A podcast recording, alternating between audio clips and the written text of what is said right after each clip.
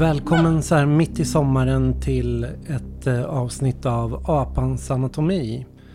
Jag har tagit en liten paus från min skärgårdsö och hängmatta för att en kamrat var i stan. Dan Koivolaxo, välkommen Dan. Tack Mattias, kul att vara här. Jag tänkte när vi ändå har dig i stan att vi skulle spela in en podd med dig för att du är ju Eh, medlem i Vänsterförbundet i Finland som är Finlands eh, motsvarighet till Vänsterpartiet i Sverige. Och du jobbar som statssekreterare. Du kanske ska förklara den titeln lite för vi har inte riktigt motsvarande. Vad är en statssekreterare? Eh, jag jobbar alltså som politisk statssekreterare för undervisningsminister Li Andersson och det betyder att jag i vissa frågor har mandat att agera i hennes ställe när hon inte kan ta plats. Och det betyder då till exempel ministerarbetsgrupper eller uh, regeringsförhandlingar eller, eller EU-möten eller dylika. Så vi har inte en sån titel som viceminister och jag eh, känner den, den känns lite främmande men i mm. vissa internationella sammanhang har, har den titeln använts för att liksom göra klart ungefär vad det betyder men alltså det kanske närmaste medarbetare till minister är kanske, kanske det bästa beskrivningen. Och Li är ju då partiledare för Vänsterförbundet i Finland och Vänsterförbundet sitter med i regering tillsammans med Socialdemokraterna och motsvarande Centerpartiet och vad heter finska? De heter Centerpartiet. Ja, och de gröna är också med? Eller? De gröna och mm. sen är nu Svenska Folkpartiet. Ja, just det. Så vi är en sån här fempartikoalition och, och, och no, kanske då socialdemokrat, eller vänster, center, vänster, hur man nu vill se på det, men att, ja att det är första gången på länge som vi har en sån koalition i Finland. Vad brukar den beskrivas som? Har ni något?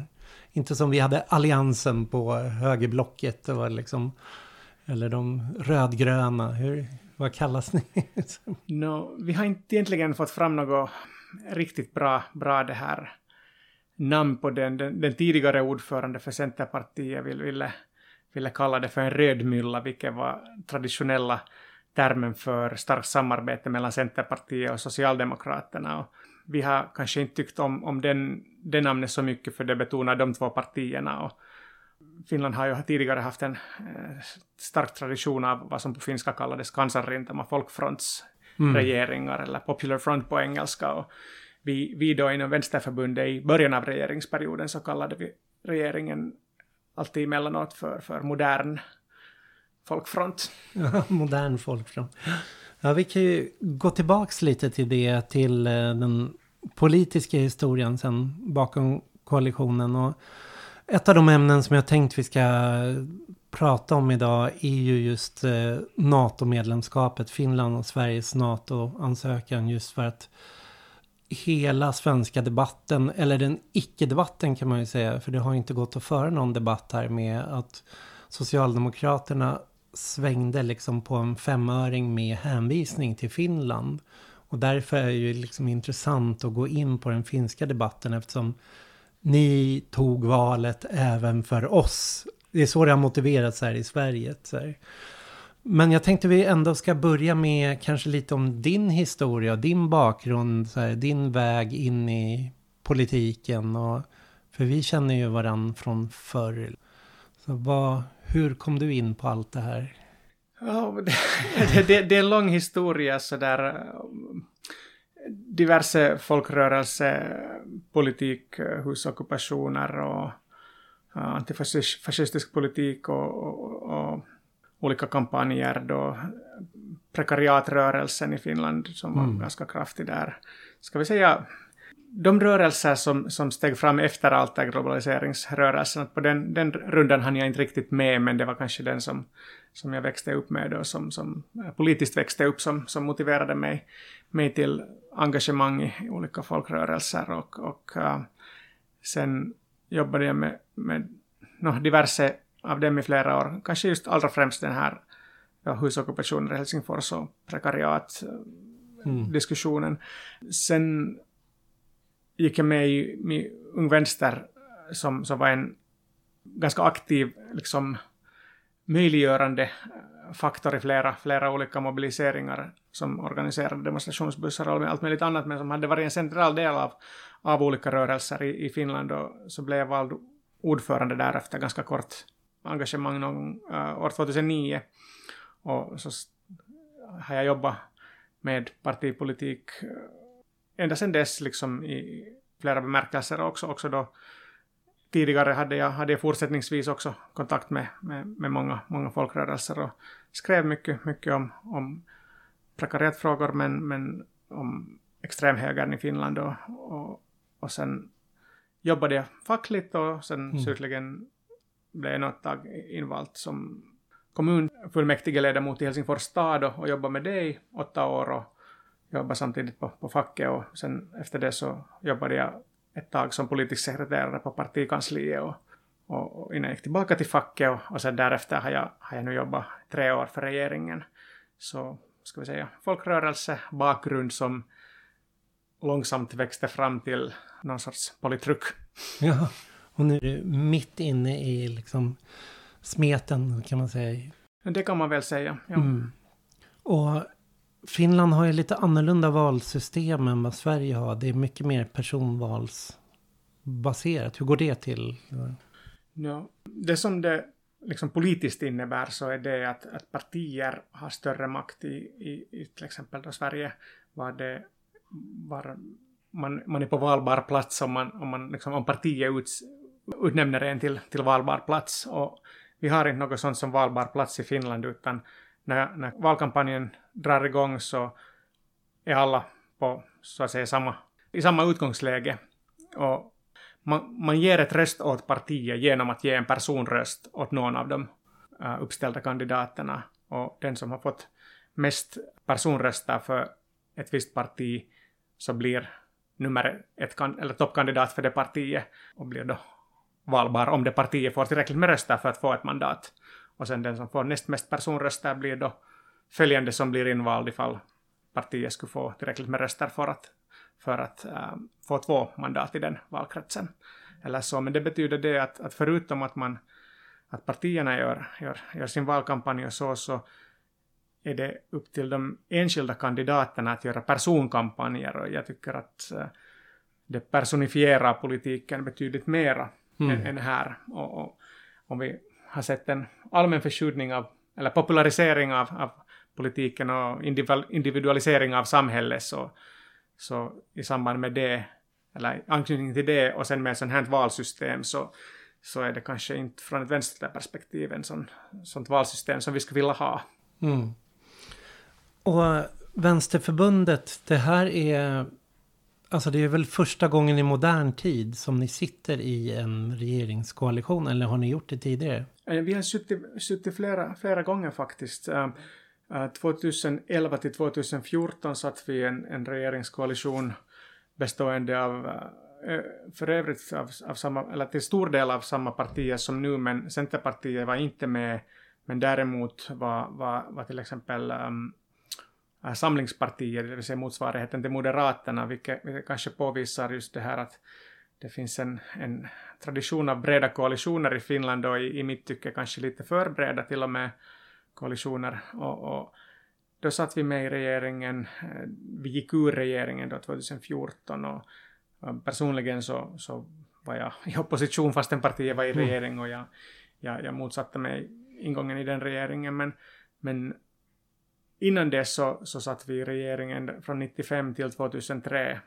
i, i åtta år och, och det var ju då den tiden som New Labour var, var ett eh, relevant begrepp i Europa och, och det skedde en, en, i Finland en allmän kraftig högerdrivning efter, efter stora 90-talsdepressionen i, i, i eller lågkonjunkturen i, i, i Finland. Så när, när allt privatiserades så en allmän nedskärning i välfärden eh, kördes mellan 95 och 2003 samtidigt som ett kraftigt ekonomiskt uppsving tog plats så, så då, då satt vi med i regeringen. Det var ju liksom då någonting som jag inte var politiskt aktiv under den tiden men, men då på den tiden så bakåtveklades en stor del av, av sådana uh, arbetsmarknads och, och välfärdssystem som som hade byggts upp ända fram till tills det och, och gjordes diverse skattereformer och, och, som har gynnat främst välbärgade och en del av dem gjordes redan tidigare under 93 skattereform. Men, men liksom, det var början för mm. nedgången av det som hade byggts upp då. Och ska vi säga som så att det kvalitativt stora uh, skillnaden som den här nuvarande regeringen har gjort så är efter alla de åren av nedskärning som, som har skett och inklusive då 2011-2014 när partiet också satt med så gjorde vi satsningar på välfärd och vi gjorde satsningar på skola och det var de kraftigt, kraftigt eller de grejerna som kraftigt motiverade oss att ta del av den här koalitionsregeringen, fastän det förstås alltid är svårt med koalitionsregeringar. Mm. Och vi är ganska glada över hur vi har lyckats i det här arbetet. Och det, det där undrar jag lite för, för att efter ekonomiska krisen 2008 så bildades ju en hel del sådana här stora koalitioner i Europa. Och i många länder så innebar det här vänsterpartiernas kraftiga försvagning eller i vissa fall som i Italien utplånades ju Vänsterpartiet där. Och även de nya vänsterpartier som kom som Podemos och koalitionen Syriza i Grekland, Podemos i Spanien har ju haft väldigt svårt att liksom hävda sig eller växa i en koalition. Och jag vet, Sverige har vi ju liksom Miljöpartiet som har regerat liksom som eh, med Socialdemokraterna med stöd av liberaler och centerpartister. Och de har ju kraftigt försvagats av det. Så här, hur, hur har liksom Vänsterförbundet liksom undvikit att drabbas av den liksom förbannelsen att ingå i en koalition och behöva driva liksom en sån politik? För att vara helt ärlig så vet jag inte om vi har helt och hållet lyckats undvika det, men att uh, om vi kollar helt enkelt på val, valresultat och jag nämnde nyss att vi har varit med i regering flera gånger sedan 1995. Det här är den fjärde gången sedan dess. Mm.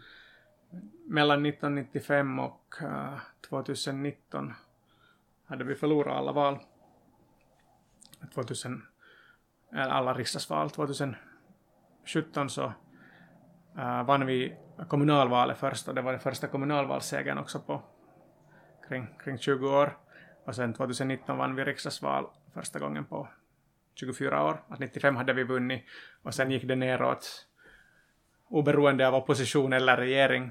Och sen, sen då 2019 så, så lyckades vi vinna och de här förändringarna är ju jättesmå. Att, att liksom vi talar om, om några procentenheters fall hela den tiden från 95 till från 11,0 till, till 8,0 2019. Men, men det var en, det här sker samtidigt som Vänsterpartiet har kraftigt förnyats som parti, um, gjort generationsbyte ganska kraftigt. Äh, en stor jag menar, det är ett parti som hade en, en strålande framtid bakom sig. Alltså det, så att säga ett, ett, ett, tidigare maktparti i Finland, vilket kanske inte alla, alla alltid inser, inser utanför Finland, eller nu för tiden i dagens läge inte ens i Finland, att, att föregångare till det här partiet så, som, som, som var en bred, bred ähm, um, kollision så, så var ju som till exempel 1956 det största partiet i Finland, 1958, mm. och ingick i en massa koalitioner då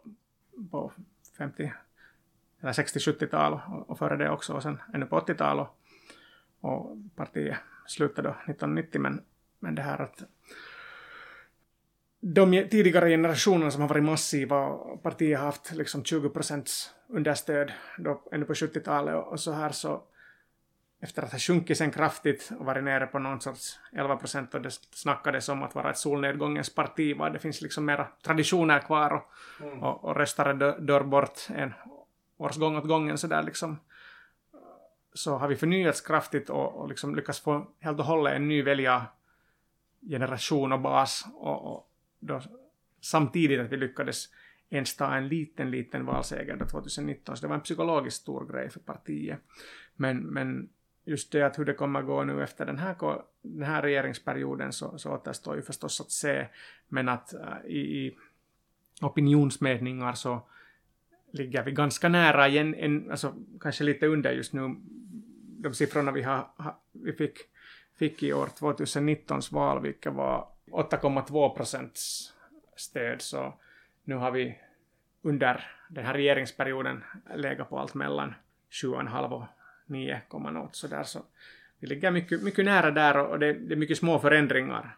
Men så där, vad det här betyder politiskt så är ju svårt att lista ut och, och, och kanske som så att om, om man lyckas hålla ungefär motsvarande understöd som man har medan man lyckas vara ett regeringsparti och, och köra igenom sådana reformer som man har snackat om länge eller sådana lyckas, lyckas hålla, hålla fast vid de löften som man har gett vid ingång i regering så, så då tycker jag man kan, kan se på det som en, en liksom lyckad regeringspolitik och det tycker jag det har varit viktigt för oss att vi, vi, vi håller fast vid, vid de principgrejerna vi, vi, vad heter det nu, har lovat när vi går in i regeringen och, och också de grejerna som att vi inte går fullständigt emot något som vi har lovat i, i val, utan tvärtom, utan förespråka de grejerna. Förstås får vi inte igenom alla våra egna, egna grejer, men att, att, att vi går framåt. Sådana kompromisser som går mot vår målsättning, så liksom, det som utgångsläge, sådan politik kan vi föra.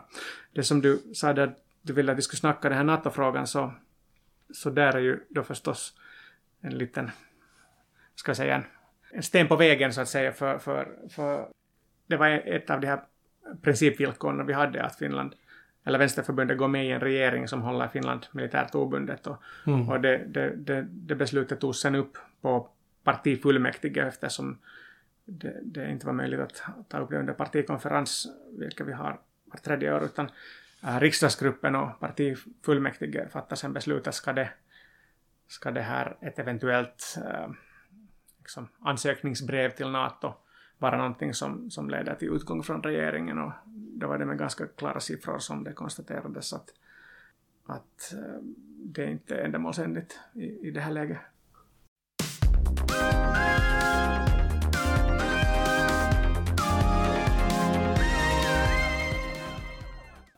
Eh, Vänsterförbundet är en fortsättning på kommunistpartiet, precis som svenska Vänsterpartiet är en fortsättning på svenska kommunistpartiet. Det ser likadant ut i Finland.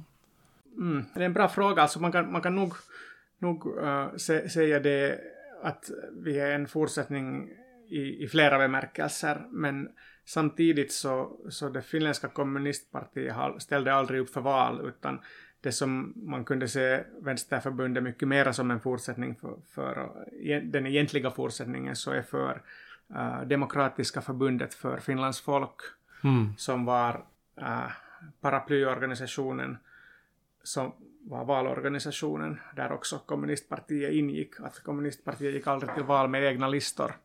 Och, och det var en, en, en betydligt liksom bredare, fastän det, kommunistpartiet använde stor makt i den här koalitionen eller kanske liksom till och med dominerande makt så, så var det ändå en koalition av, av, av olika grupperingar vänstersossar och sådana? Nja, liksom socialister men inte, mm. inte, inte vänstersossar. De hade, hade kanske då, eller beroende på vad du menar med vänstersossar, ja. men, men liksom, det fanns en, en falang som definierade sig själv som socialister men inte kommunister. Ja. Och, och, och um, organis det hade organisationsmedlemmar som var ungdomsförbund och kvinnoförbund och, och, och, och då partiet var, var en, en organisationsmedlem i den här listan, men som en, en, en definitiv fortsättare av det, det arbetet. Och sen i en annan bemärkelse då också en fortsättare av kommunistiska partiet. Och, och, och vi har ju i dagsläget också det kommunistiska partiet i Finland som, som menar sig vara fortsättarna av det här, men det, det är ett liksom nygrundat parti efter att, att liksom det gamla kommunistpartiet gick i konkurs och, och det är nog som så att Vänsterförbundet då egentligen är den liksom organisatoriska liksom fortsättaren av det och grundades då med, med liksom stor, stort folkmöte i, i Helsingfors ishall och, och, det var meningen att det skulle bli en, bli en sån här, ett liksom förbund för olika koalitioner då, men det, det kanske har var, varit mera ett enhetligt parti då sen, sen dess än, än vad som var tänkt från början, trots att det från, från olika så kallade fraktionsstrider så, så fanns liksom tendenser kvar också efter, efter att, att partiet grundades som Vänsterförbundet, men, men allt det har kanske försvunnit nu sen det här generationsbytet. Om vi bara tar kort om socialdemokratin i Finland, för om just den här äh, vänster, breda vänsteralliansen ändå har varit så pass stor när det gäller röster, så hur har socialdemokratin sett ut där? Att det, har det varit en svagare socialdemokrati än i, än i Sverige? Och...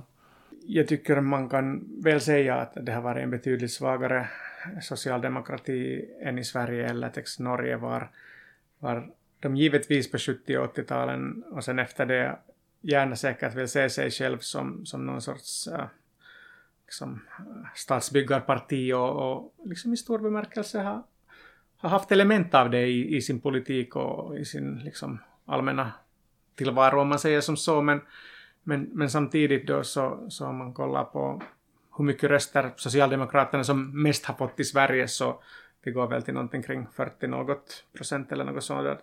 Och, och i Finland har Socialdemokraterna inte varit nära heller något sånt. Men att vi har haft till exempel 1966-1970 hade vi vänstermajoritet i riksdagen med vänster och Socialdemokraterna. Det bara påvisar då att liksom att historiskt sett och då när välfärdsstaten i Finland har byggts upp så har, har den här äh, Demokratiska förbundet för Finlands folk så jag måste hela tiden kolla upp namnet mm. på svenska eftersom jag kanske första eller andra gången någonsin använder den termen på svenska här nu. Så haft en helt central roll i det hela. Och, och då, då, kanske man kan, kan säga att socialdemokratin har varit svagare än, mm. än vad den är i Sverige. Eller Men fackföreningsrörelsen, vad har de varit tillknutna till? Fackföreningsrörelsen i Finland har varit både och. Att, mm. att, äh, ja, alltså, kanske vi inte ska idag gå in på fornhistoria och, och vad som hände efter, efter revolutions, eller revolutionen 1918 eller revolutionsförsöket och, och, och uh, så vidare. Men, men alltså det har funnits uh, mer vänster, mer, mer kommunistorienterade fackorganisationer alltid i Finland och, och, det har varit, många av dem har varit betydligt kraftiga i synnerhet inom, inom bygg och livsmedels och, och tidigare också inom, inom stora metall, eller liksom, ja metall och, och överhuvudtaget inom industrin tidigare och, och ännu i dagsläget. Och, och nu har jag ofta talat om att, eller får, man kritiken om att, att man kan inte bygga, bygga välfärd med att inte göra någonting och då är det inte alltför sällan någon som påpekar om att välfärden i Finland har byggts med att sitta på, på strejkvakt. Mm. sitta, sitta, sitta ut strejker, långa strejker och, och vänstern har haft en kraftig, kraftig roll i, i fackföreningarna och det har inte varit liksom socialdemokratiskt monopol inom, inom facket som det har varit i mm. övriga nordiska länder länge. Och, eller liksom traditionellt. Och, det är också bara då påvisar, påvisar hur liksom, vänsterns allmänt starka roll i Finland mm. historiskt sett i uppbyggande av, av välfärds samhällsstat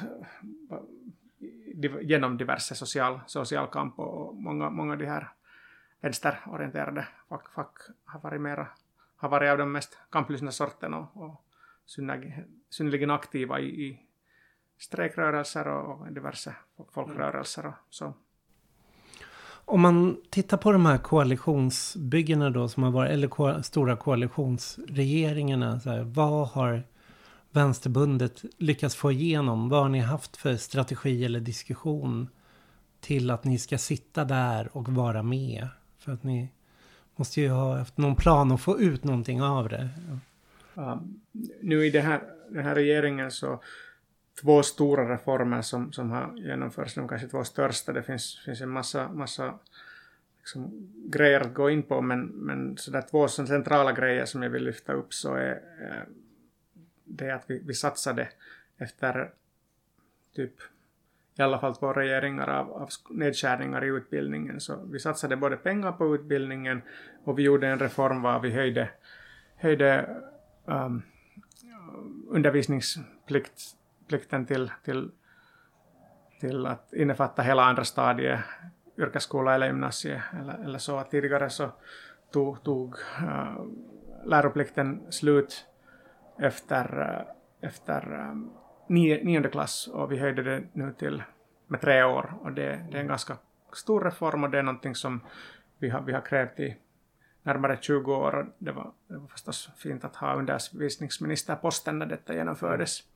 Och vi har också gjort andra, andra satsningar på, på undervisningen på, på alla stadier och det har varit, det har varit liksom en, en central fråga efter, efter den stora äh, ska vi säga, politiska tvisterna kring undervisningsnedskärningar som, som skedde under förra valperioden men också, också tidigare.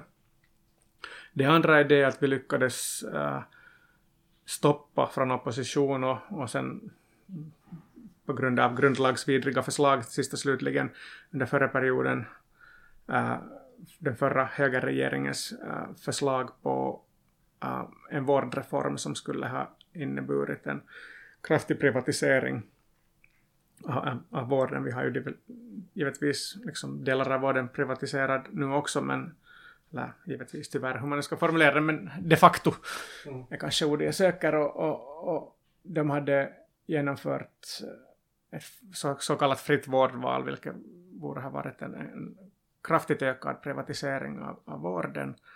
Och det fälldes och nu gjorde vi en, en, en vårdreform som regionaliserar vården men håller den kraftigt offentligt kontrollerad. Och det, det var någonting som, som vi är mycket nöjda över och förstås så finns det finansieringsproblem och så vidare som tas itu med men att den här reformen så gjordes som så att, att offentlig makt kontrollerar vården också framöver fastän det gjordes en, en, en reform och det var de här två var kanske de här kännetecknande centrala elementen i den här i den här regeringens program som, som vi var nöjda på. Men överhuvudtaget det att efter åratal av nedskärningar i, i, i i budgeter så gjorde vi satsningar på välfärden, att, att eh, också lades in mera pengar i både undervisning och social och hälsovårdssektorn.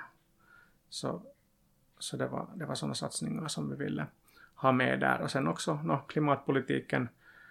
Uh, vi har haft som, som paroll världens första uh, kolneutrala välfärdsstat och, och liksom satsningarna kring det så var sådana som, som var centrala för oss. Och sen, det var gällande sysselsättningsåtgärderna, det har varit kraftiga krav i, i Finland på nedskärning av a-kassa och det har vi inte gått med på. Och vi, vi liksom drog tillbaka sådana nedskärningar för, för arbetslösa som gjordes under förra, förra det här regeringsperioden och, och det är någonting som vi har varit mycket glada över att lyckas med.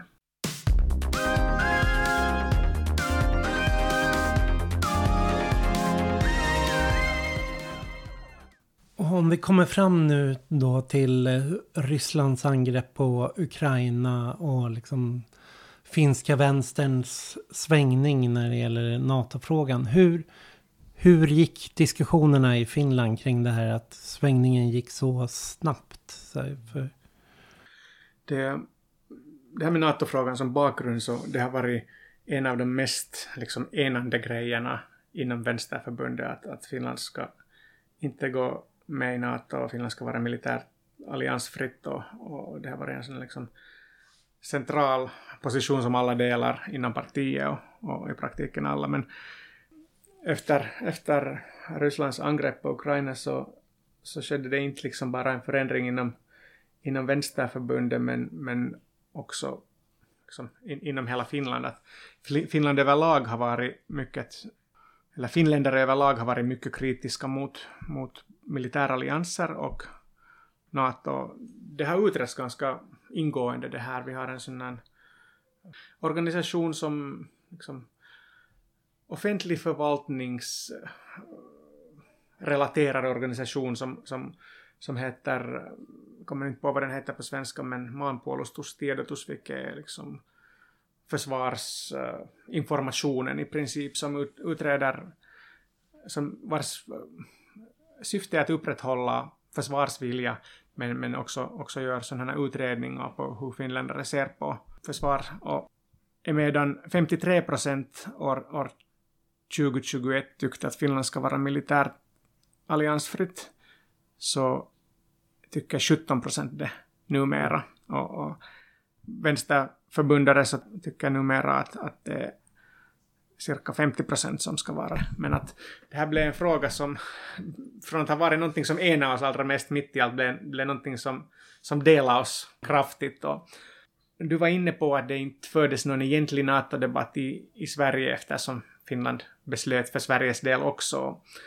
Det var många i Finland, också inom vänstern, som tyckte att, att det är viktigt att, att Sverige och Finland har samma val här och, och till exempel, eller det här koordineringen mellan Finland och Sverige var, var någonting som, som också påverkar delvis opinionsbildningen i Finland. Men, men det var nog mera kanske hotbilden och helt enkelt någon sorts folklig opinionsbildning som, som började stiga fram kraftigt som, som gjorde den här svängen också för vänstern då sen enklare. Det, det var många som på vänster, vänsterhåll som tyckte att, att NATO-debatten var svår att föra och alla som hade hade någonting av en kritisk röst så stämplades som putinister eller annat. Och den debatten var ganska enögd också i Finland på, på många sätt men, men sådana saker som sen tyngde kraftigt i vågskålen så var, var sen då ändå, ändå det här att, att allmänna opinionen och bland trovärdiga opinionsinstitut och annat så det fanns en stark förändring och hela tiden blev den kraftigare och kraftigare den här förändringen. Att, äh, jag snackade nyss om militär alliansfrihet men, men jag, jag har här grafer som visar på hur många hur stor andelen av finländare som ville gå med i NATO och hur, hur kraftigt den ändrades. Så här under våren 22 så största, största utredningen så, så, som gjordes av den här organisationen jag just hänvisade till så, så 68 procent av finländarna tyckte att man ska gå med i NATO och så var det en större andel, om inte jag minns helt fel, som, som tycker att de inte har någon ställning på frågan, typ nästan 20 procent som inte, inte liksom säger ja eller nej och sen bara cirka 12 procent eller något sånt kring det som, som motsatte sig det. Och, och i det skedet så började småningom i något skede så började no, parti efter parti ta, kraft, ta ställning för NATO. Och då började det bli allt mer klart att, att uh, kommer att ske oberoende av vänstern ser på saken. Och det var den första frågan som var relevant för vänstern att avgöra var det att, att som, som jag var inne på också tidigare, att ska vi vara med i regering eller inte om Finland skickar in ett ansökningsbrev eller det är ju inte riktigt så processen går men sådär för att förenkla det lite grann skickar in en ansökan. Och, och, och då det som jag tycker personligen att, att är relevant där då är att, att ska man stå då principfast eller ska man vara pragmatisk och konstatera att någonting som sker oberoende så ska vi ge upp vår påverkansmöjlighet i alla andra frågor som vi nu har möjlighet att utöva makt i på grund av någonting som sker oberoende av oss. Att är det här en sån grej som vi ska göra, liksom så kallad liksom, utmarsch ur regeringen och, och protestera om inte liksom på, kan ens påverka utgången, eller verkar som så. Personligen så tyckte jag dock att det var befogat att gå med i NATO, så, så den här biten om att stå principfast eller inte så, så var inte liksom personligen någonting som berörde mig, utan jag tyckte det var motiverat av, av två skäl och det var det att um, analysen om hur Ryssland skulle bindas tätare in i, i, i samarbete med, med, med väst och alla de här ekonomiska och energi energipolitiska valen som gjorts under nolltal och tiotal hade, hade visat sig ganska, ganska liksom felkalkylerade eller, eller, eller i, i det läget dåliga som, som valde att, att gå till det här angreppet mot Ukraina. Och samtidigt så listades ju också då Finland och Sverige som eh, hostile states med de här EU-embargona, icke-vänliga nationer mm. eller så. Och sen samtidigt när beslutet om, om vapenhjälp till exempel till Ukraina fattades så tyckte jag personligen att det var befogat att, att, att gå, gå, gå med, i, med i NATO helt enkelt ur, ur liksom Finlands egen försvarspolitiska syn och vetande alla de internationella politiska problemen som finns i den här militäralliansen i fråga och i, i förstås USAs kraftiga roll i, i den organisationen. Och jag lyfter upp vad jag själv tycker därför för att jag, jag tror att, att det här var så som många av de vänsterpartister som, som, som det här också ändra opinion tänkte ungefär i samma banor som jag och, och jag märkte det när jag själv skrev en text om, om det här med NATO, att hur, hur många sådana, ska vi säga, tidigare aktiva medlemmar eller nuvarande aktiva medlemmar eller en massa människor som kommenterar min text som inte hade tagit ställning till det eftersom det var ganska få som tog ställning för NATO inom vänstern överhuvudtaget i samhällsdebatten allmänt heller, sådant som inte alltid tidigare också hade gjort det, att många var försiktiga länge tills det liksom blev klarare och klarare att liksom en större och större andel tycker så här och vi går mot det här. Och sen började till slut så kom utlåtande av partier ganska nära varandra att nu, nu ska vi eh, ta den här nya positionen. Vänsterförbundet tog egentligen ställning, eller liksom en ny position på, på NATO först på sin partikongress. Att, eller när det här NATO-medlemskapet behandlades i Finland, så då tog vi bara ställning till att är det här någonting som vi ska som vi ska utesluta oss ur, eller som vi ska utesluta oss själva ur regeringssamarbete på grund av eller inte. Men, men sen det här att hur, hur vi förhåller oss framöver till militäralliansen och så vidare så ändrades först då formellt på vårt möte som var nu i juni. Och det var ju förstås lite, lite olämpligt att vi hade ett möte liksom några månader efter det här. Det skulle ha varit mycket bättre att ha möte tidigare, men det gick nu flera skäl att, att var, ha så. Så, så då principen vår position då att Finland fortsättningsvis ska köra en människorättsvänlig utrikes och säkerhetspolitik och, och, och att äh, Finland tycker att man ska arbeta internationellt för nedrustning och, och, och liksom att, att vi ska inte ha några kärnvapen i Finland eller eller några militärbaser. Men kom eh, Turkiets krav på Finland och Sverige som en hel överraskning då? Att det var inget som... Kritikerna varnade ju för det här liksom lång väg. Att det här, det här är inte bara någonting man skickar in en ansökan i. Utan det, det är ju att gå in i ett stort geopolitiskt spel. Där, det, där andra kommer att ställa krav och kommer att försöka flytta fram positioner och där flera av NATO-länderna verkar ju inte för ett stärkande av mänskliga rättigheter, demokrati just nu.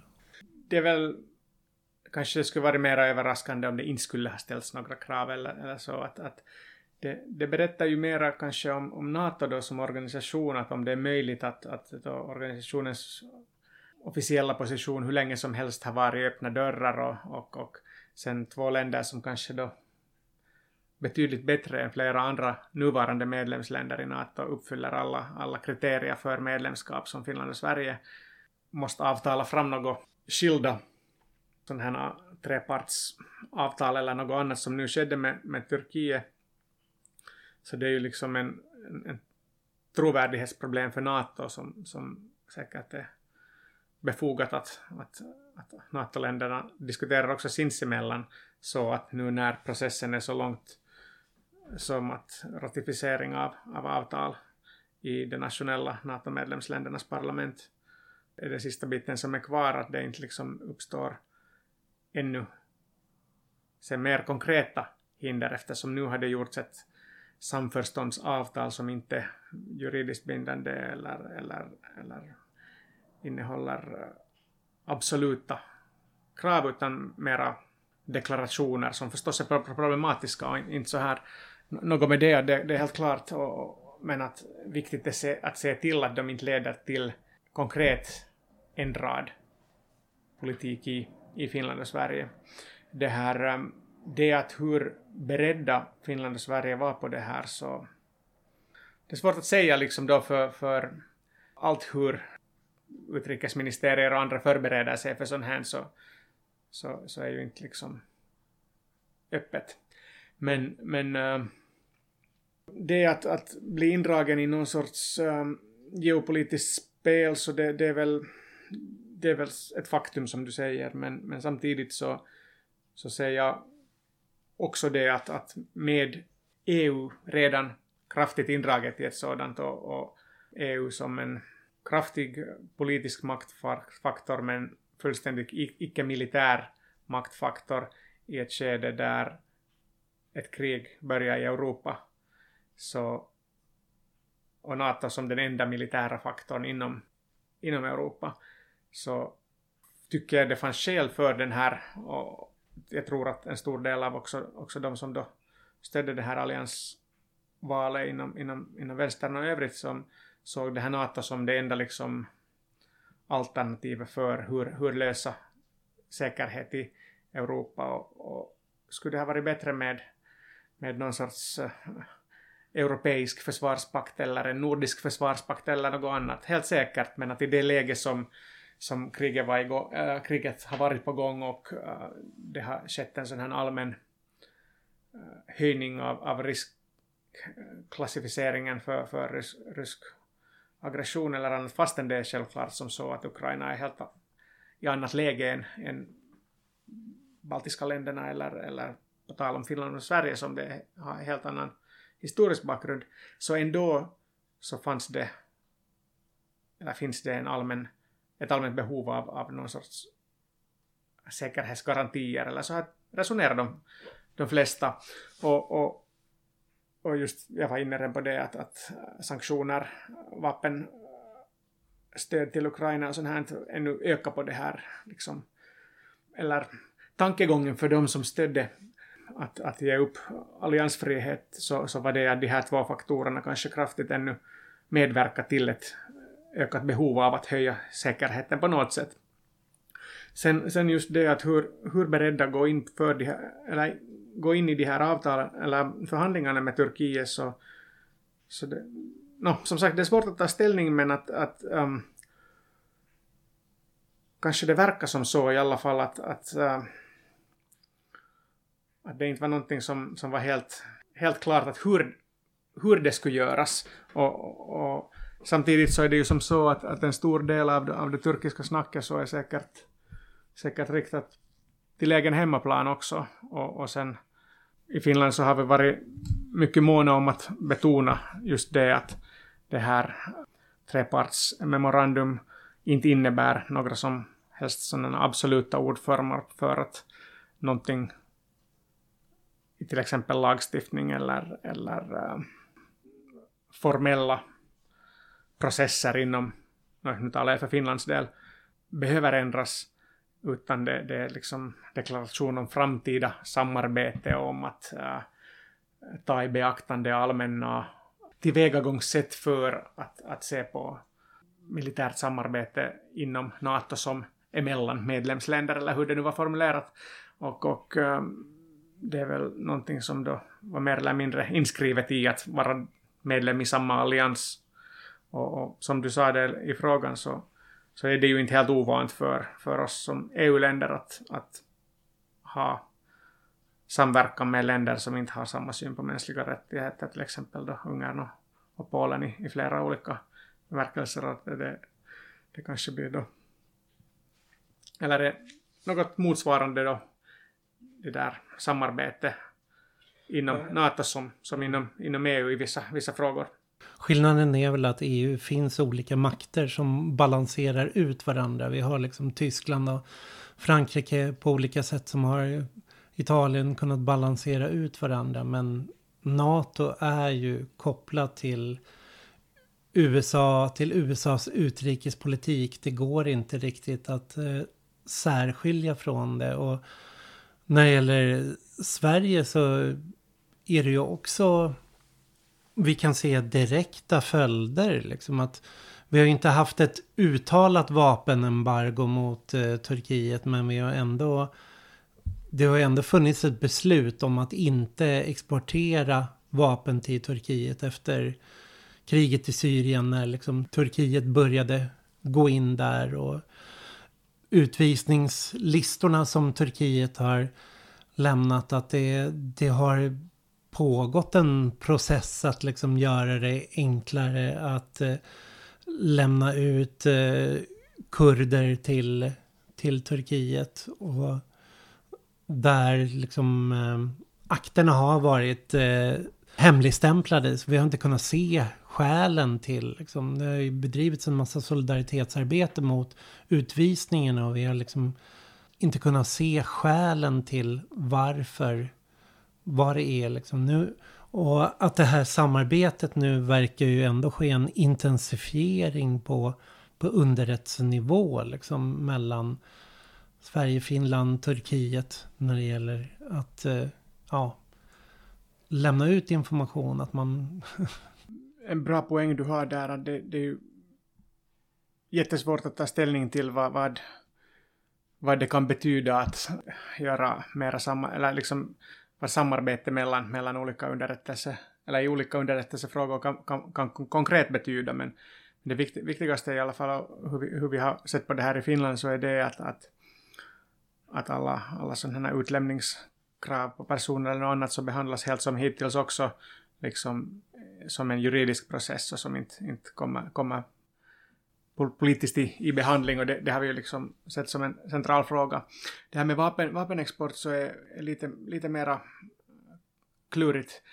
Och vi har ju ett sådant system i Finland där varje enskilt exporttillstånd fattas som ett, fattas som ett eget beslut. Och, och det, det, har inte, det finns inte sådana liksom allmänna beslut utan helt, helt enkelt att det är liksom en det är ett enskilt företag som söker efter exporttillstånd och då, då är liksom staten gör en liksom, prövning av det specifika tillståndet så att det, det gör ett myndighetsbeslut i princip i den, den frågan och den här exportören har rätt att få ett beslut och de, de be, behandlas då på basis av då utrikes och säkerhetspolitiska utlåtanden som, som då givetvis har, har mänskliga rättigheter som ett utgångsläge i det. Att jag hoppas att, att det här också framöver hålls en kritisk hållning så länge som, som det finns behov för det och det är väl klart att det fanns orsak för varför det här varför det var kraftigt på agendan i både Finland och Sverige efter, efter 2019 Turkiets agerande i, i Rojava.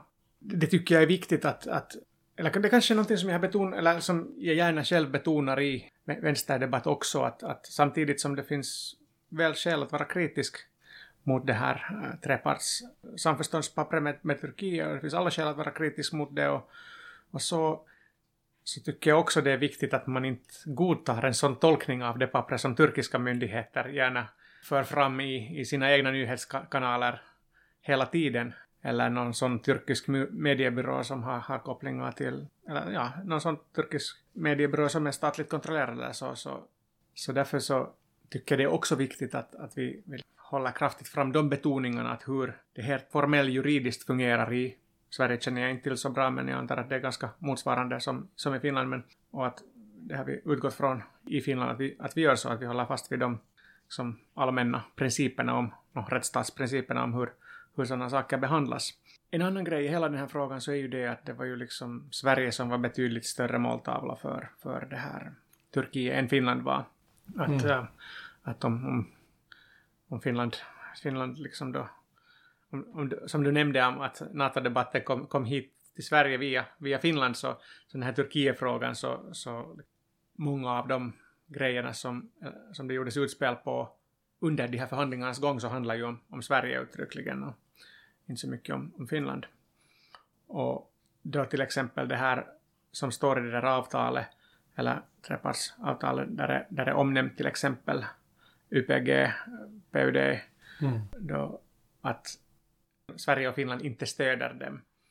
Så jag har för mig att det här har kommit fram i pappret efter att Turkiet förstås krävde att, det här, att Finland och Sverige ska terrorstämpla och så vidare och eller liksom använda den retoriken som Turkiet använder men att i Finland så har inte ekonomiskt stött de här organisationerna hittills heller men jag har för mig att Sverige har haft något, något stöd. Mm, genom samarbete, eller avtalet med Amineh Kakabaveh så har man väl men det har ju egentligen varit mer ett vanligt stöd som har givits i hela regionen. Ja, precis. Men Finland har inte haft något, något dylikt så, så också på den punkten så, så från vårt perspektiv så ändrade det inte på liksom något. Det var förstås det mest, det var kanske en av de mest problematiska grejerna i, i det pappret eftersom vi gärna hade sett att det inte skulle ha varit med i det pappret. Men, men samtidigt så, ändrade det inte nuläget. Mm. Dock så kanske det betyder att Finland inte kunde börja heller med något stöd. Men, men, men största frågan fortsättningsvis tycker jag dock är det att, att vad är de liksom, följande kraven som eventuellt kan ställas på Finland och Sverige och hur ser man till att det som man har hållit fast vid hittills kan fortsättningsvis hållas fast vid eller ska hållas fast vid. Och det är nog någonting som, som vi ser helt jätte, som, som jättecentralt in, inom no, Finland förstås, men liksom inom Vänsterförbundet. Och, och det är inte någon hemlighet, vår partiordförande har kommenterat det här också i, i media, att, att, att Vänsterförbundet har varit kritisk mot vissa punkter i det här avtalet också. förde fram inom regeringen och sånt. Ja, jag är mest orolig för vad det kommer innebära för Sveriges utrikespolitik. Hur mycket man kommer ändra oavsett. Jag tror inte vi ser än vad konsekvenserna blir av ett NATO-medlemskap. Men oavsett vad som kommer krävas från NATO eller vilka påtryckningar som kommer göras på oss så innebär det en kursändring inom socialdemokratin. Liksom från alliansfritt. Att liksom det sättet det har också kunnat göra att ett litet, litet land har kunnat verka för mänskliga rättigheter, gå in i internationella konflikter, någonstans medla eller verka genom diplomati. Att, att där kommer vi se liksom en förändring i Sveriges sätt att agera. Och att det liksom kommer komma förändringar långt utanför liksom själva NATO-medlemskapet. Vi får en helt annan socialdemokrati som har en helt annan syn på internationell solidaritet i världen. Det här är säkert en befogad oro. Det här var nog en av de grejerna som också, också lyftes fram i Finland innan, under den här NATO-debatten. att, att vad gör det här för, för Finland? Att det där är ju liksom att om man snackar fredspolitik så, så blir det ju ofta lite, lite okonkret och så vidare, men det som du nämner så är någonting mycket konkret, att hur, hur, hur ett, ett, ett land kan agera. Uh, å andra sidan så, jag menar, jag håller med dig fullständigt, men om, om, om man spelar Devil's Advocate eller, eller, eller tar fram de argumenten som, som det här kontrades med in, i, under debatten så, så var ju det att, att till exempel Norge också har kunnat agera ändå som, inom internationell solidaritet och, och, och, diplomati och så vidare som, som NATO-medlem. Och sen om jag kollar på ur Finlands perspektiv att hur det här diskuterades där och ett argument som i Finland fördes fram så var det att Finland lyckades sylta in sig i Afghanistan lite grann. Oberoende av att vi inte var, var äh, NATO-medlemmar. Att, att det som du säger, jag håller helt och hållet med, men, men det är inte heller helt svartvitt. Och det, det är någonting som gör det ännu viktigare att framhäva sådana här äh, positioner och, och liksom äh, betona internationell solidaritet och, och äh, konkreta äh, utrikespolitiska äh, målsättningar inom, inom vänster men inom Finland och Sverige också, så mm. bredare.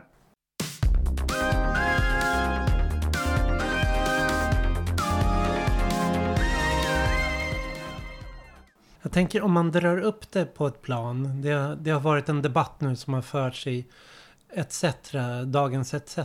Där man har översatt en text av Slavoj Zizek, då, den slovenska filosofen. Där han har förklarat varför det är viktigt för vänstern att stödja att gå med i, i NATO. Och det är någonstans finns det där en vision hos honom att ett starkare Europa i NATO och en starkare vänster i NATO skulle liksom kunna höja vikten av mänskliga rättigheter liksom, och försvara nationell suveränitet. Och det är Sven-Erik Lidman skrev ett svar, jag skrev ett svar, Jonas Sjöstedt och flera har liksom gått, gått in i den här debatten. Och jag hade John Hörnqvist, vänsterpartisten John Hörnqvist med här. Vi diskuterade utifrån en så här världssystemteori om eh, Giovanni Arrigi och eh, Wallerstein och så. Vi gjorde ett specialavsnitt om det. Att det vi ser någonstans nu är ett större skifte i världen. En förändring av världsordningen där vi har haft vi gick från eh, kalla krigets bipolära värld med öst mot väst och liksom tredje världen som stod däremellan.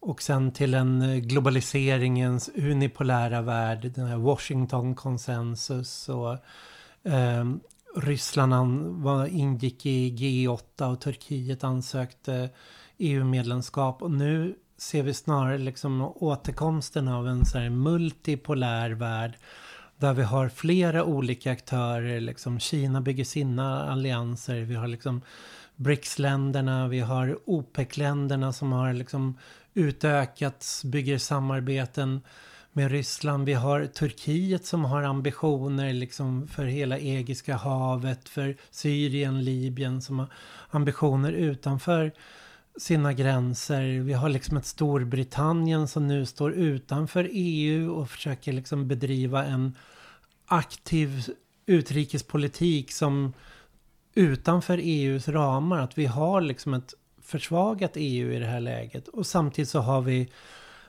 nationalistiska konservativa krafter både inom EU men inom flera av NATO-länderna och så. Så att vi kanske går en värld med mer spänningar och mer blockindelning. Och då är frågan så här. Jag tycker inte det har diskuterats inom vänstern och jag tycker inte det har inte funnits utrymme för det för att man har hetsat in den här NATO-diskussionen sådant med att säga att det är ett, aktuell, det är ett akut hot att försvara sig mot Ryssland. Jag har svårt att tro att Ryssland skulle kunna bedriva ett flerfrontskrig samtidigt som man är i Ukraina. Liksom. Men man har ju motiverat med att det här, det här har varit brådskande och det har också fått opinions... De här kraftiga opinionssvängningarna. Men om man ser till en sån här debatt kanske hade behövt ta tid, precis som EU-medlemskapet eller euron när det diskuterades i, Sverige, Danmark, EMU, kärnkraften. Här har vi haft ett så omfattande beslut som påverkar för världens framtida utveckling, liksom hur den ser. Och vi har inte diskuterat liksom vad kommer de förändrade rollerna vara? Liksom, kommer vi få ett säkrare Europa på det här eller har vi snarare placerat in de här blockkonflikterna in i Europa? Att vi kommer få betydligt större slitningar, betydligt mer handlingsförlamat EU som kommer få svårare att agera.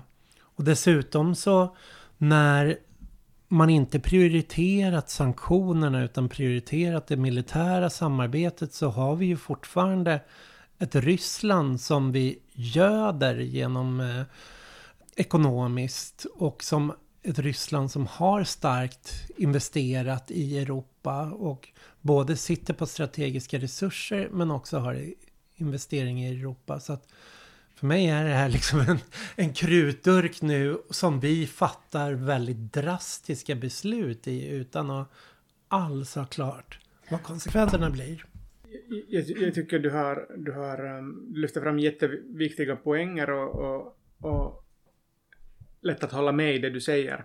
Um, samtidigt så, så en annan grej så är ju det att allt det du säger så sker ju liksom oberoende av Finland och Sverige också att nu så Finland och Sverige fattar beslut här att hoppa med in i det så att säga, eller, eller om jag förstod dig rätt så, mm. så det är det du, du liksom kritiserar och, och jag förstår, förstår bra det, det argumentet.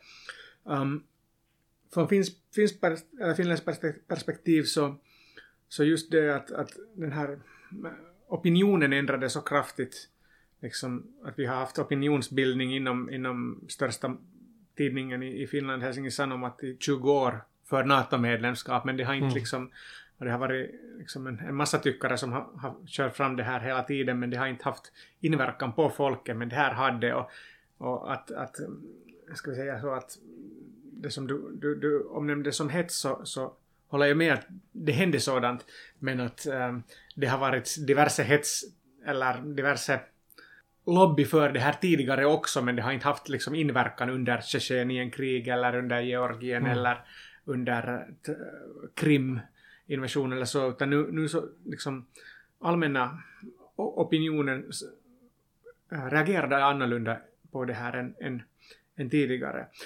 Sen har vi det här med, med om, om, om vi ser som Europa som försvagat här eller inte så, så om det är så, så, så kanske det som är centralt, fast jag inte håller med, med om, om jag har inte läst den här Zizek-artikeln, men som du refererar den så, så, så känns den svårt att liksom hålla med det argumentet som du förde fram. Men samtidigt så, så har ju väl NATO ändå gått mera in på det att, att försvarspolitiska dimensionen ska vara kraftigare framöver än krishantering och så vidare.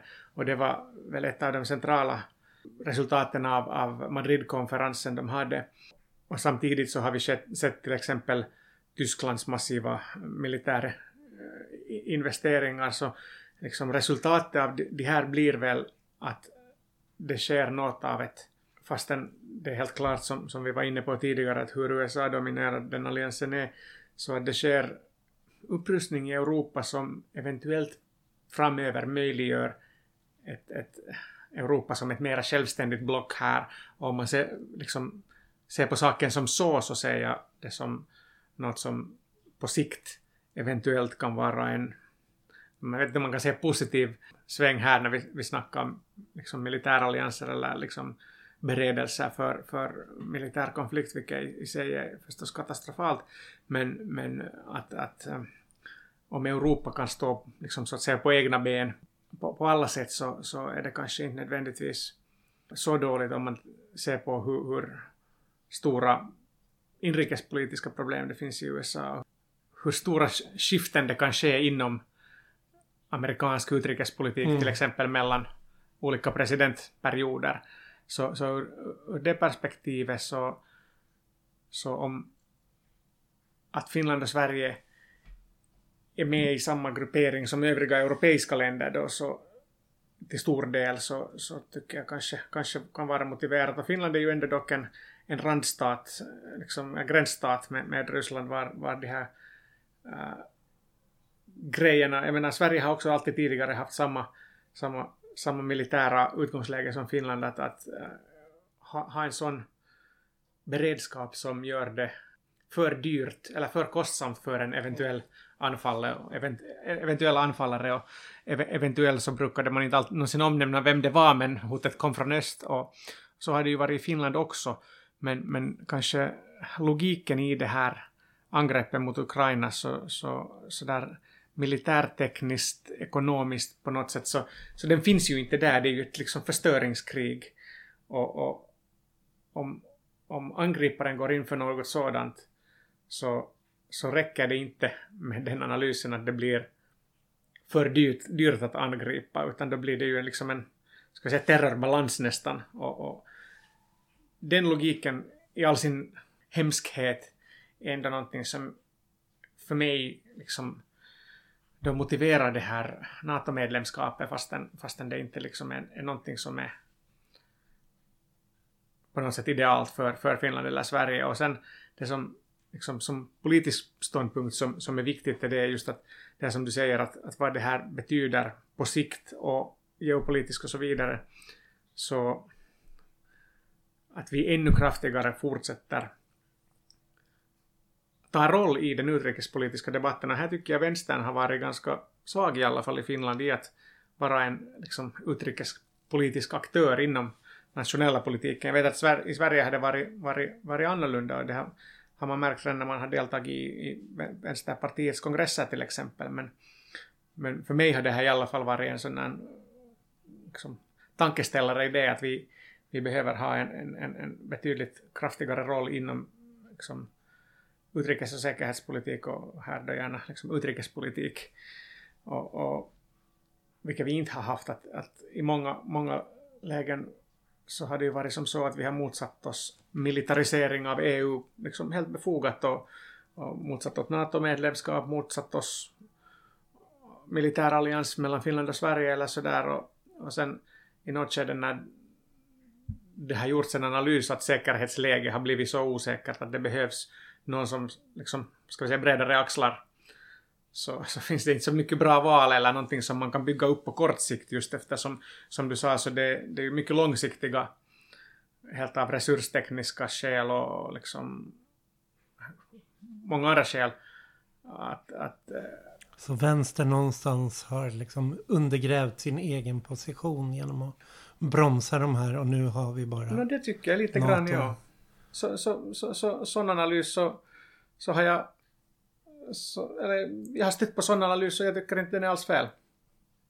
Mm. Eller inte i alla fall helt fel.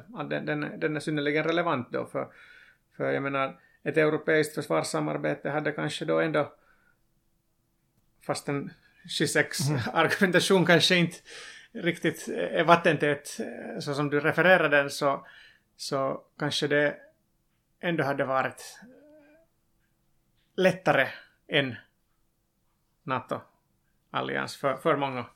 Mm.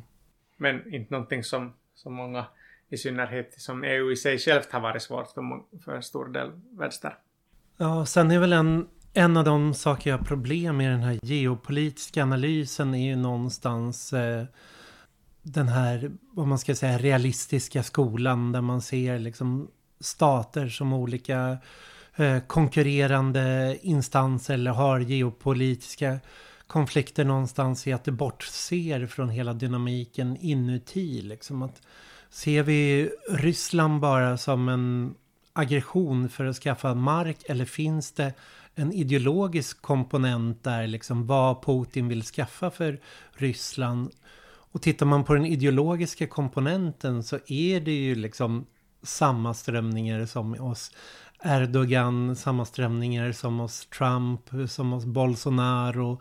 Eh, som en stor del av den eh, etnonationalistiska eller liksom eh, populistiskt konservativa högern, liksom när man strävar efter någon slags ett nationellt återenande och då är det ju här en konflikt som inte går mellan NATO och Ryssland eller den skär ju rakt igenom NATO, den skär rakt igenom EU, den skär rakt igenom våra nationer och det är där också som eh, en vänsterpolitik måste ju kunna balansera med båda de dimensionerna. Någonstans tänka liksom både på den nationella säkerheten, nationella suveräniteten. Men också se liksom eh, det här spelar olika krafter i händerna och liksom vilka krafter är det som är på väg att stärkas som som kommer att sitta på makten i de här samarbetena eller är de dominerande? Vad sker om Trump kommer tillbaks? Liksom, vad sker om vi får vid nästa val i Sverige och, och i vår i Finland, liksom högerregeringar som kommer tillbaks, liksom Sannfinländarna och Sverigedemokraterna i, i regering också. Så vad, vad lämnar det här för möjligheter att bedriva liksom en, en eh, mänskliga rättigheter, demokrati, internationell rätt. Där ser jag enorma faror. Det finns säkert faror. De, de farorna finns... Jag menar, det är ju som så att, att äh, de farorna finns ju här också oberoende av NATO. Jag menar förstås så, så finns det ju då säkert större risker för att om det är någon sån internationell politisk konflikt på gång där NATO eventuellt kunde bli en, en, en, en part som, så är det ju förstås sådana här risker som du lyfter fram som är, är de, de liksom svåra. Svåra, men jag vet, jag vet inte om, om, det, om det låter naivt eller inte, men det är ju dock ändå. Alltid liksom oberoende av, av Finland och Sverige har ju varit mycket nära liksom samarbetspartners med NATO fram till nu också, men, men inte varit medlemmar av alliansen. Och till exempel som jag lyfte fram tidigare så Finland, Finland deltog i Afghanistan-operationerna vilket så på sikt kanske inte var världens bästa grej att, att göra och så här. Men att betona, jag menar, sådana här beslut kan, kan befattas oberoende av medlemskap i, i NATO eller inte och, och att det i sig ändrar inte på det behovet för en progressiv människorättsnära vänsterpolitik i alla, alla väder oberoende. Och de risker du lyfter fram så givetvis ser jag dem också som risker, men de är risker också oberoende av det här. Och det är kanske det som är att, att det här just att, att den stora frågan är väl ändå det att, att fanns det behov av att liksom öka säkerheten för Finland och Sverige med att ingå en allians eller inte. Och det, det, det, det är ju liksom praktiken omöjligt att svara på den frågan sen. Att det, det är ju liksom något av en åsiktsfråga sen då sista slutligen, att hur, hur vi kommer fram till det. Att hur, hur, hurdana väganden liksom, man gör i sin egen analys och, och, och det, det, finns inte något säkert absolut facit på det förrän sen i historien. En, en sista grej som jag tänkte bara slänga ut och det är också en sån här lös tanke. Det är om socialdemokratins eh, nedgång, pasokifieringen, liksom hur socialdemokratin har försvagats. Och när den stötte på vänsterpopulismen som är Corbyn, Sanders, också såg den som en utmaning från vänster. Och hur både pandemin och den här Ukraina-kriget, NATO-frågan någonstans verkar setts av socialdemokratin som en räddning. Att det är det man har att komma med är inte liksom längre reformer om att skapa ett bättre samhälle eller liksom visioner om en eh, klimatomställning eller en Green New Deal eller en nya sociala välfärdskontrakt utan det är just det där att vara det ansvarstagande partiet. Där de andra partierna ses som någonting som både till höger och vänster som äventyrar hela stabiliteten, säkerheten. Och eh, man är det regerings bärande partiet som kan, kan, kan garantera liksom ansvar, ordning och det jag hade räknat ut centrismen någonstans liksom för några år sedan. Det, vi har till och med ett avsnitt av podden där centrismens sista suck. Men här ser vi liksom, sen kom pandemin och nu det här. Och centrismen någonstans har kommit å, tillbaks som en samling i mitten. Liksom, mot de ansvariga liksom, marginalerna, populisterna till höger och vänster och liksom hotande. Och där ingår även klimatförändringarna som en sån här hotande fråga. Att det här har Socialdemokraterna har tagit den här frågan. Liksom Magdalena Andersson framförallt i Sverige liksom har det här, här varit ett sätt att rädda socialdemokratin. Att man har stärkt, man har stärkt upp, man har liksom kunnat fånga tillbaks genom att vara partiet som agerar i internationella och nationella kriser. Samlingarnas parti som det, det här, ehm, vi, vi, har, vi har sett, sett något mycket, mycket dylikt i Finland också. Socialdemokratiska partiet, det vill säga statsministerpartiet, just nu så hade liksom starkt understöd genom, genom coronakrisen och, och så just nu att, att agera som statsskötarparti i den här svåra, svåra NATO-grejen så är, är någonting som, som de, har, de har fått en massa tack för av en massa tyckare mm. som, som i största allmänhet kanske inte, inte tycker om socialdemokrati eller, eller någonting med, med vänsterprägel överhuvudtaget. Uh, samtidigt så har vi haft just nu så i och med den här NATO-debatten i Finland så, så Moderaternas systerparti, äh, Samlingspartiet, så, så växte massa procentenheter i, i, i opinionsmätningarna helt bara för de profilerar sig kraftigt i frågan från första början och liksom var det partiet som tyckte att det har funnits tid för debatt i 20 år, nu behövs inte mer debatt. Och liksom, de har alltid velat ha Finland, eller alltid, men hur länge som helst velat ha Finland med i NATO. Det faktiskt syntes kraftigt i, i, i sådana här, samtidigt som, som då, då liksom Sannfinländarna, eller ja, Sannfinländarna ligger, ligger ganska lågt just nu, men, men kanske, kanske det här med Socialdemokraternas um, roll i det hela, så i Finland när, när regeringen hade, och ännu också har toppopinionssiffror som regering i förhållande till alla tidigare regeringar i praktiken. Så eh, diverse politikforskare har talat, eller vill tala om det här rally around the flag i covid-krisen till exempel och lite, lite nu i NATO-krisen också men det, det stämde inte i NATO-krisen i de här opinionsmätningarna mm. medan det stämde mycket väl, eller stämde och stämde, det höll inte streck i, i hur opinionsmätningarna utvecklades i den här NATO-frågan till exempel.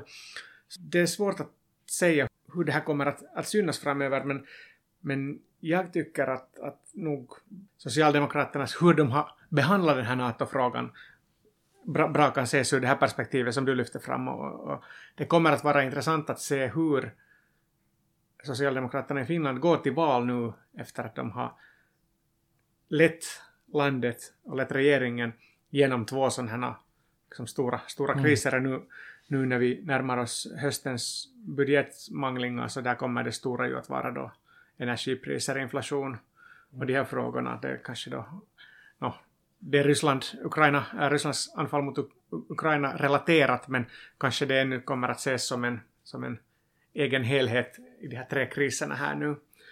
Nästa gång vi gör en podcast så får du ett svar hur det gick i Finland. Vad hände ja, sen? ja, vi får göra den. Äkta Tor Janssons anda. Vad tror du hände sen? Ja, precis. Mm. Jag får tacka dig Dan för det här samtalet. Tack Mattias. Ja, att du tog dig lite semestertid här. Och... Ja. Det ett skönt sätt att fira semester för mig också. Ja. ja, det är en stor allvarlig debatt och jag tror att det är intressant för det ger, ger ljus på även vad som har skett här i Sverige genom att höra den finska diskussionen. Mm. Tack så mycket. Tack, hej.